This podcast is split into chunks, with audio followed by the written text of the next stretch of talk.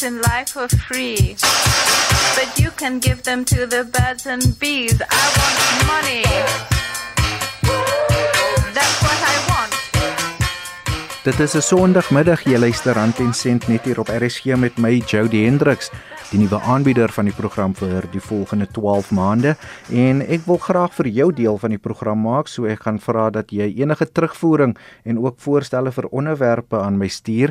Jy kan my vind op sosiale media Facebook Twitter Instagram en selfs TikTok. Gaan tik net my naam in Jody Hendriks en jy kan daar vir my kontak of gaan na die RSG webwerf rsg.co.za klik op my profiel en dan kan jy vir my 'n e-pos stuur met terugvoering oor die program soos ek gesê het en ook natuurlik baie belangrik die voorstelle en inhoud wat jy op 'n Sondagmiddag net hier op Rand en Sent wil hoor.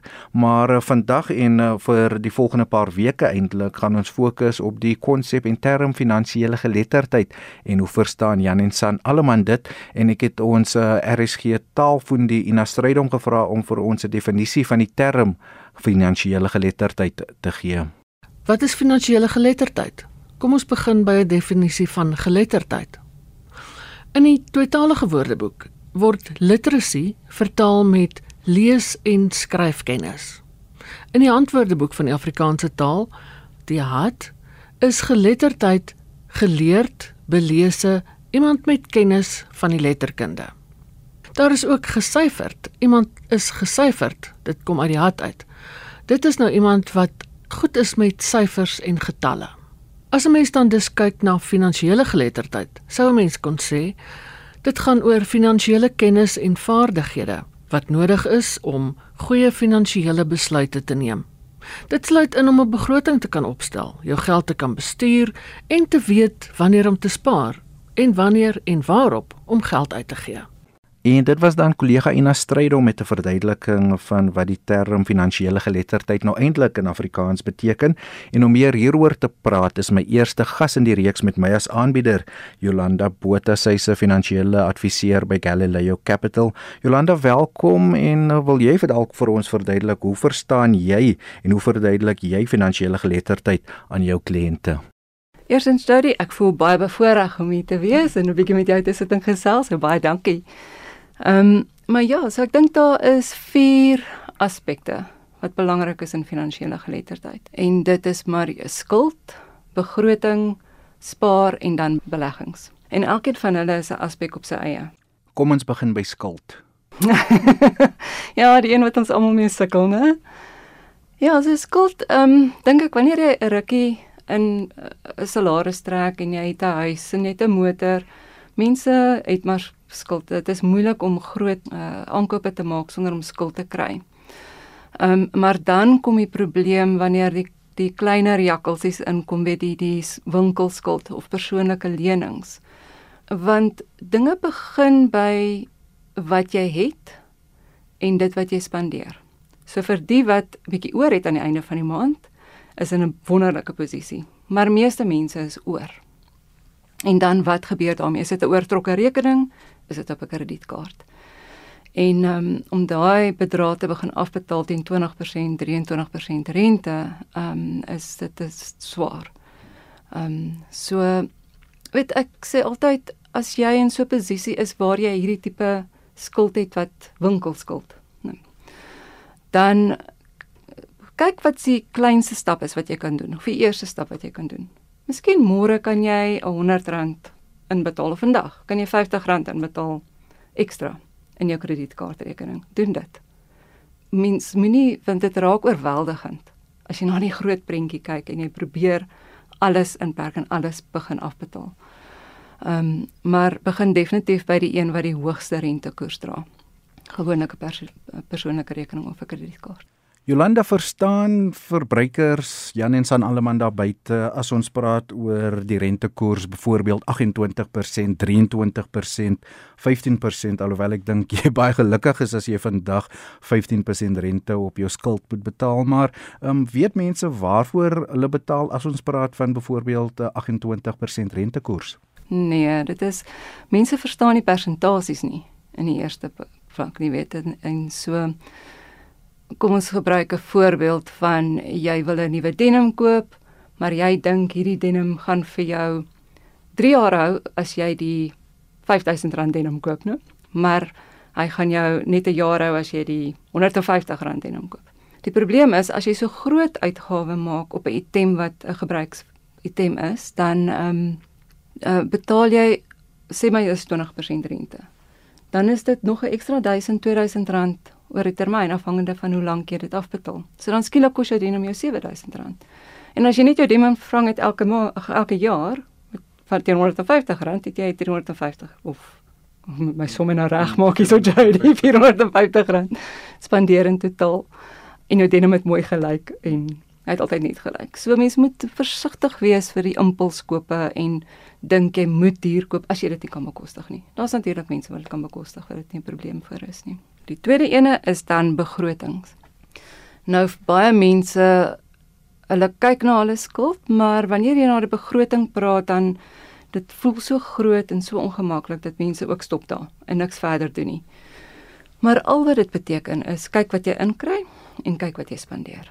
Ehm um, as jy te veel spandeer, het jy natuurlik al die ander probleme. Ehm um, maar maar dan moet jy gaan kyk waar kan jy dalk weer eens 'n klein stapie vorentoe neem. Ehm um, sou dit wees om jou kleinste hoeveelheid skuld eers af te betaal sodat daai bedrag hier weg is. Dan sit jy 'n groot stap vorentoe. Die ander ding kan wees om byvoorbeeld jou DStv af te sit vir vir 'n maand en daai bedrag te gebruik om iets af te betaal. As jy minder spandeer as wat jy inkry, dan is jy in 'n goeie posisie, ehm um, en kan jy begin kyk om bietjie geld weg te sit en dan gaan ons na die volgende punt toe. Maar as jy regtig mooi wil begroot en jy wil regtig in diepte gaan, dan is dit 3 maande se bankstate, gaan mooi deur dit kyk bietjie waar spandeer jy wat en um, besluit wat wil jy regtig opspandeer en wat wat is regtig nodig, wat nie. Jolanda, so verskeie navorsing wys dat Suid-Afrikaners sukkel om kop bo water te hou as dit kom by skuld en vandag se program gaan oor finansiële geletterdheid. Verstaan 'n leek finansiële geletterdheid en ook die belangrikheid om 'n begroting op te stel en is daar 'n spesiale formule om dit makliker te maak vir mense om daardie begroting op te stel en daarby te hou? Ek dink dit is goed om hulp te kry as jy sukkel om die volgende stap te neem of jy jy weet nie hoe om te begroot nie, dan ja. Maar anderster is dit regtig vat jou 3 maande se bankstate en gaan kyk wat kry jy in en wat spandeer jy en uh, en as jy wil iemand wat net begin, 'n salaris trek 'n goeie beginsel vir hulle is om 50% te spandeer op dit wat jy nodig het, so behuising, voedsel, vervoer so aan ja, wat ek dink nogal 'n uh, redelike algemene beginsel is, maar 30% op dit wat jy graag wil hê, se 20% weg verspaar. Dis 'n goeie beginsel om gedagte hou wat min van ons reg kry, né? Jolanda, my ma het altyd gesê sy werk nie met 'n begroting nie want uh, sy verdien so min en daar's nie eintlik uh, baie geld om te begroot voor nie, maar uh, as ons nou praat oor die gewone mense, is daar 'n sekere bedrag wat uh, die man op straat dalk moet verdien, sê byvoorbeeld R10000, R15000 om 'n begroting op te stel of weet jy dalk vir 'n minder bedrag soos byvoorbeeld as jy R7000 verdien ook 'n begroting nodig? Ja, mense wil graag so bedrag hê en daar is dalk 'n punt, maar weet jy, um, selfs iemand wat R3000 'n maand kry, dit gaan oor wat se kos kan ek bekostig?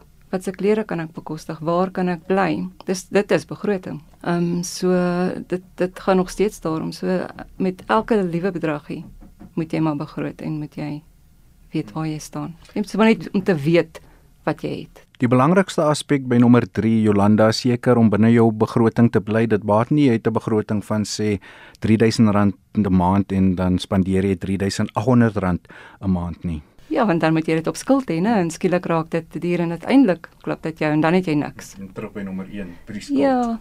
En ehm um, mense moet ook bietjie anders, miskien moet hulle kyk na 'n spanderingsplan. Jy luister aan ten sent met my Jody Hendriks net hier op RSG. My gas is Jolanda Botha, finansiële adviseur by Galileo Capital. Ons bespreek finansiële geletterdheid en Jolanda sê daar is vier belangrike punte om in ag te neem as ons praat oor finansiële geletterdheid. Jolanda, wat is nommer 3? Dit was spaar. So spaar is dan in 'n kontant tipe rekening. Dit is nie 'n belegging nie want dit gaan nie inflasie klop nie. Maar dit is iets wat jy nodig het om op terug te val want ehm um, jy uh dit is soos by jou noodfonds. Ehm um, ons almal het dalk 'n band wat breek of skielik is 'n kind siek en jy het ekstra medisyne nodig of jy moet 'n dokter sien en dis net ekstra uit, uitgawes en ehm um, en veral mense met 'n kleiner bedrag het gewoonlik nie iets om op terug te val nie. So al kan jy in die begin R20 wegsit, R50 wegsit, begin net iets wegsit. Jolanda het vroeër gepraat uh, oor die belangrikheid om te spaar. Nou baie mense vandag sukkel reeds finansiëel om kop bo water. Jolanda, jy het vroeër gepraat oor die belangrikheid van spaar. Nou baie mense sukkel reeds vandag finansiëel en dan sê jy nog vir hulle jy moet jou skuld afbetaal, maar jy moet ook spaar. Ehm um, hoe kry mense dit reg? So waar daar moontlik mense is wat nie kan bekostig om te spaar nie en wat ehm um, maar wat wel omdat hulle te veel skuld het, né? Maar wat wel 'n klein ekstra bedragie het in 'n gelukkige posisie is. Neem ongeveer 10% of 20% van daardie bedrag en sit dit weg vir spaar en betaal die res um, as 'n ekstra bedrag op jou skuld af. Dit is 'n redelik goeie beginsel sodat want mense wat baie skuld het, ehm um, daar is nog steeds 'n nood wat gebeur en dan skielik maak jy meer skuld om dit af te betaal. So daai noodfondsie aan die agterkant is maar belangrik en dit en dit vat lank om op te bou. Dit is nie 'n maklike ding nie. So ehm um, maar maar dit is regtig die moeite werd. Jolanda, wat is dan uh, nommer 4 op jou lysie as ons praat oor finansiële geletterdheid? Dit is dan beleggings. As al die ander goed in plek is, dan kan jy begin dink aan belê. Beleggings ehm um, moet jy ook sien as as iets wat vervelig is. 'n bedrag wat jy wegsit vir die langtermyn wat moet groei oor tyd. Ehm um, en dit is dan in ietsie wat vir jou ehm, 'n um, groei gee bo inflasie. En dit beteken jy neem risiko. En met risiko bedoel ons maar net op en af beweeg van markte, so jou geld kan minder word of meer word. Oor tyd ehm um, as markte sleg is, gaan daai bedrag afgaan. Maar as jy dit op daardie tydstip onttrek, dan maak jy dit 'n permanente verlies. En daarom is jou noodfonds weer baie belangrik. 'n Mens moenie probeer om dit 'n uh, lekker ding of a, iets te doen wat en ek gaan nou Engelse woord gebruik, exciting hmm. is nie. Want ehm um, dis waar mense uh, in 'n struik trap. Hulle ehm um, probeer dan die hoogste groei najag en wat ons oor die algemeen sien is dat die belegging wat vir die hoogste groei hierdie jaar gee, gewoonlik die volgende jaar is hy die laagste een. En jy word dan ook baie maklik in hierdie verneekspulle ingetrek wat wat mense jou geld steel in piramideskemas en so meer. Iemand het my eendag gesê belê jou geld in goed wat jy verstaan en ek gaan eerlik wees ek verstaan nie die effekte beurs en die aandelemark aldag so goed nie.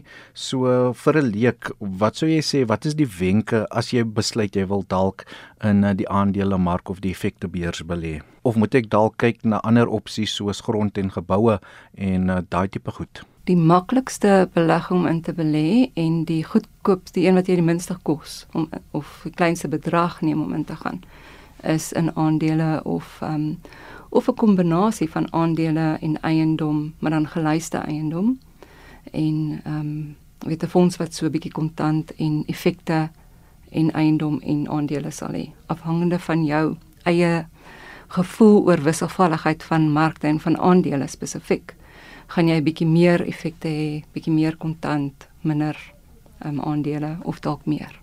En dit was dan Jolanda Botha, ons het die vier aspekte wat sy as belangrik beskou rondom die term en die konsep finansiële geletterdheid bespreek. So dan Jolanda net om op te som, nommer 1 het jy gesê die belangrikheid is spaar. Is daar 'n bedrag of 'n persentasie wat jy elke maand moet spaar?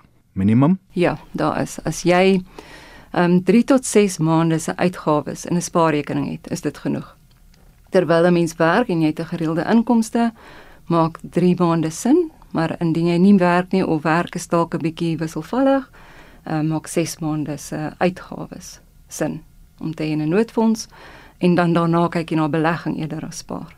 Jolanda, ons het ook veroor gepraat oor die belangrikheid van 'n begroting. Hoekom is 'n begroting noodsaaklik vir Jan en San Alleman?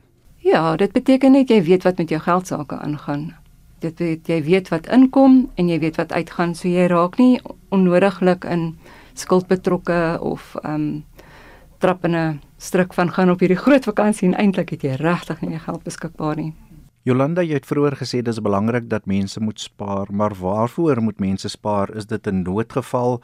Is dit dalk vir 'n vakansie, 'n nuwe motor? Hoekom moet mense spaar? Ja, mense kan mense kan nogal groot bedrae begin spaar as jy so daarna kyk. Ehm um, so definitief jou 3 tot 6 maande, dis die eerste ding. Vir vakansie sal ek ook spaar. Ehm um, en en nie krediet gebruik om daar om met vakansie te gaan nie, want weer eens, mense gaan dan op skuld met vakansie en dit is 'n raak 'n baie groot uitgawe. Ehm um, 'n motor min mense kan 'n motor bekostig. Dit is net heeltemal te duur, maar indien jy 'n deposito kan spaar ten minste vir 'n motor, dan help dit baie met jou maandelikse bedrag en die rente wat jy daarop betaal. En selfs vir die huiskoop is dit goed as jy 'n um, 'n bedrag kan neersit, 'n deposito kan neersit. Maar dit is dan vir spesifieke doeleindes en en dan gebruik daai geld daarvoor. Interessante ding, een van die vroue van um, Women in Finance, sy sê sy sit in die begin van die jaar met haar kinders met met hoeveel geld hulle beskikbaar het vir vakansies hierdie jaar. Hmm. Net om 'n voorbeeld te gee van hoe dit kan werk. En as die kinders dan sê nee, maar hulle wil 'n see vakansie in Desember hê, dan sê sy goed, dit is baie duur daardie tyd van die jaar, maar as ons een dalk doen in julle Julie vakansie of in die, in die April vakansie, dan kan ons twee vakansies doen. En so begin die kinders leer wat beteken dit om te begroot of te dink oor geld. Dis die stem van Jolanda Botha, finansiële adviseur by Galileo Capital. Ons gesels oor haar vier belangrike wenke as ons praat oor finansiële geletterdheid. Jolanda, jy het ook verwys na beleggings en ons hoor elke dag van slenters en uh, adviseurs wat allerlei beloftes maak van 'n groot groei in terme van beleggings en die tipe goed. Um, is dit veilig om jou geld te belê by iemand in 'n instansie op die effektebeurs? Die wanneer iemand vir jou opbrengste beloof wat jy amper weet is te goed om waar te wees, dan weet jy daar daar moet iets snaaks wees hieraan. Ek dink ons het almal daai ding wat ons graag so vinnig as moontlik 'n opbrengs wil kry en dit lyk aanloklik. Ehm um, maar maar dit is beleggings is oor die algemeen goeie beleggings, oor algemeen vervelig en jy sit maar jou bedrag hier daarin en hy moet groei oor tyd. So, miskien net om 'n indikasie te gee, ehm um, 10% per jaar op 'n gebalanseerde tipe portefeulje is aanvaarbaar. So iemand wat vir jou 20% aanbied en dit klink nie eers nou baie nie, né? Maar dis al klaar 'n bietjie buite die risikoprofiel van waar hoe kry hulle dit? Wat doen hulle om daai ekstra opbrengs te kry? En gewoonlik is dit nie goed wat lanktermyn hou nie. Dit is die eerste episode van Rand en Sent op RSG met my Jody Hendriks wat einde se kant toe staan. Ek het vanmiddag met uh, die finansiële adviseur Jolanda Botha gesels. Ons het gekyk na die konsep van finansiële geletterdheid en nou Jolanda, dit gaan moeilik met die luisteraars daar buite. Kan kom ons wees eerlik, die petrolprys styg, geen elektrisiteit nie en as dit anders is dit ook duurder. Um allerlei ekonomiese uitdagings, die motor breek as gevolg van slaggate. Wat is jou advies aan luisteraars eh, wat bekommerd is nommer 1 oor hulle finansiële geletterdheid en 2 ekonomiese oorlewing? Ek dink gaan kyk wat dit is wat jou die meeste bekommer. Dink bietjie sit 'n bietjie daar dink daaroor en dan dink wat die klein die eerste stap is wat jy moontlik kan neem. Wat is dit wat jy kan doen vandag om dit beter te maak? Indien dit soos ek genoem het skuld is, kan ek dalk 'n R100 ekstra om daai skuld af te betaal. En dit gaan jou dalk lank vat, maar volgende maand kan jy dalk R200 opsit. En so kom raak dit beter. Jolanda Botha, finansiële adviseur by Galileo Capital, baie dankie vir jou tyd vanmiddag en jou insig wat jy gedeel het met my en die luisteraars. Dit is 'n groot plesier, baie dankie. RSG, jou keuse hierdie herfs tussen 100 en 104 FM. Dan laastens vanmiddag hier op Rand en Sent 'n belangrike aankondiging deur die president van die Reserwebank, Letshego Nyago, wat 'n donderdag gemaak is en hy het aangekondig dat rentekoerse met 50 basispunte verhoog word. Dit bring die terugkope koerse op 7,75% en die prima uitleenkoers op 11,25. Die verhoging het 'n Vrydag in werking getree en die meeste ekonome het verwag dat die rentekoerse met uh, sowat 25 basispunte verhoog sou word. Ganyago sê drie lede van die monetêre beleidskomitee het die verhoging van 50 basispunte gesteun terwyl twee gestem het vir 'n verhoging van 25 basispunte. Sedert November 2021 is die terugkoopkoers met 400 basispunte oftewel 4 persentasiepunte verhoog. Kom ons hoor presies wat Letsego Ganyago se woorde was. Against this backdrop, the Monetary Policy Committee decided to increase the repurchase rate by 50 basis points to 7.75% per year with effect from the 31st of March 2023. En dit dan die president van die Reserwebank op sy aankondiging donderdag oor eh, die uitleenkoers wat eh, met 50 basispunte verhoog is. En ek het ook met die ekonom Christie Viljoen van PwC oor hoe die verhoging jou sak gaan raak gepraat sal dit ekstra druk sit op verbruikers en besighede aangesien dit die koste van 'n huidige en nuwe skuld sal verder verhoog. Indien die Reserwebank nie die rentekoerse verder lig nie, sal dit 'n goeie teken wees dat hulle op die punt gekom het waar verdere aanpassings in die rentekoers heel moontlik nie meer sal gebeur in die huidige jaar. RSG, jou keuse hierdie herfs tussen 100 en 104 FM. En dit was dan die eerste episode in die nuwe seisoen van Rand en Sent met my Jody Hendriks as aanbieder. En soos ek aan die begin van die program gesê het, jy is meer as welkom om my te kontak met enige voorstelle vir onderwerpe of inhoud wat jy dan op 'n uh, Sondagmiddag op die program wil hoor. Jy kan my vind op sosiale media, Facebook, Twitter, Instagram, selfs TikTok. Gaan tik net my naam in Jody Hendriks en jy kan daar met my kontak maak. Jy kan ook na die RSG webwerf by rsg.co.za gaan, gaan klik op my aanbiedersprofiel en jy kan daar vir my 'n e-pos stuur of stuur SMS na 45889. Dit kos jou R1.50. Die aanbieder in die ateljee sal seker maak dat dit by my uitkom. Maar van my Jody Hendriks tot 'n volgende keer. Kyk na jou finansies, mooi bly en totsiens.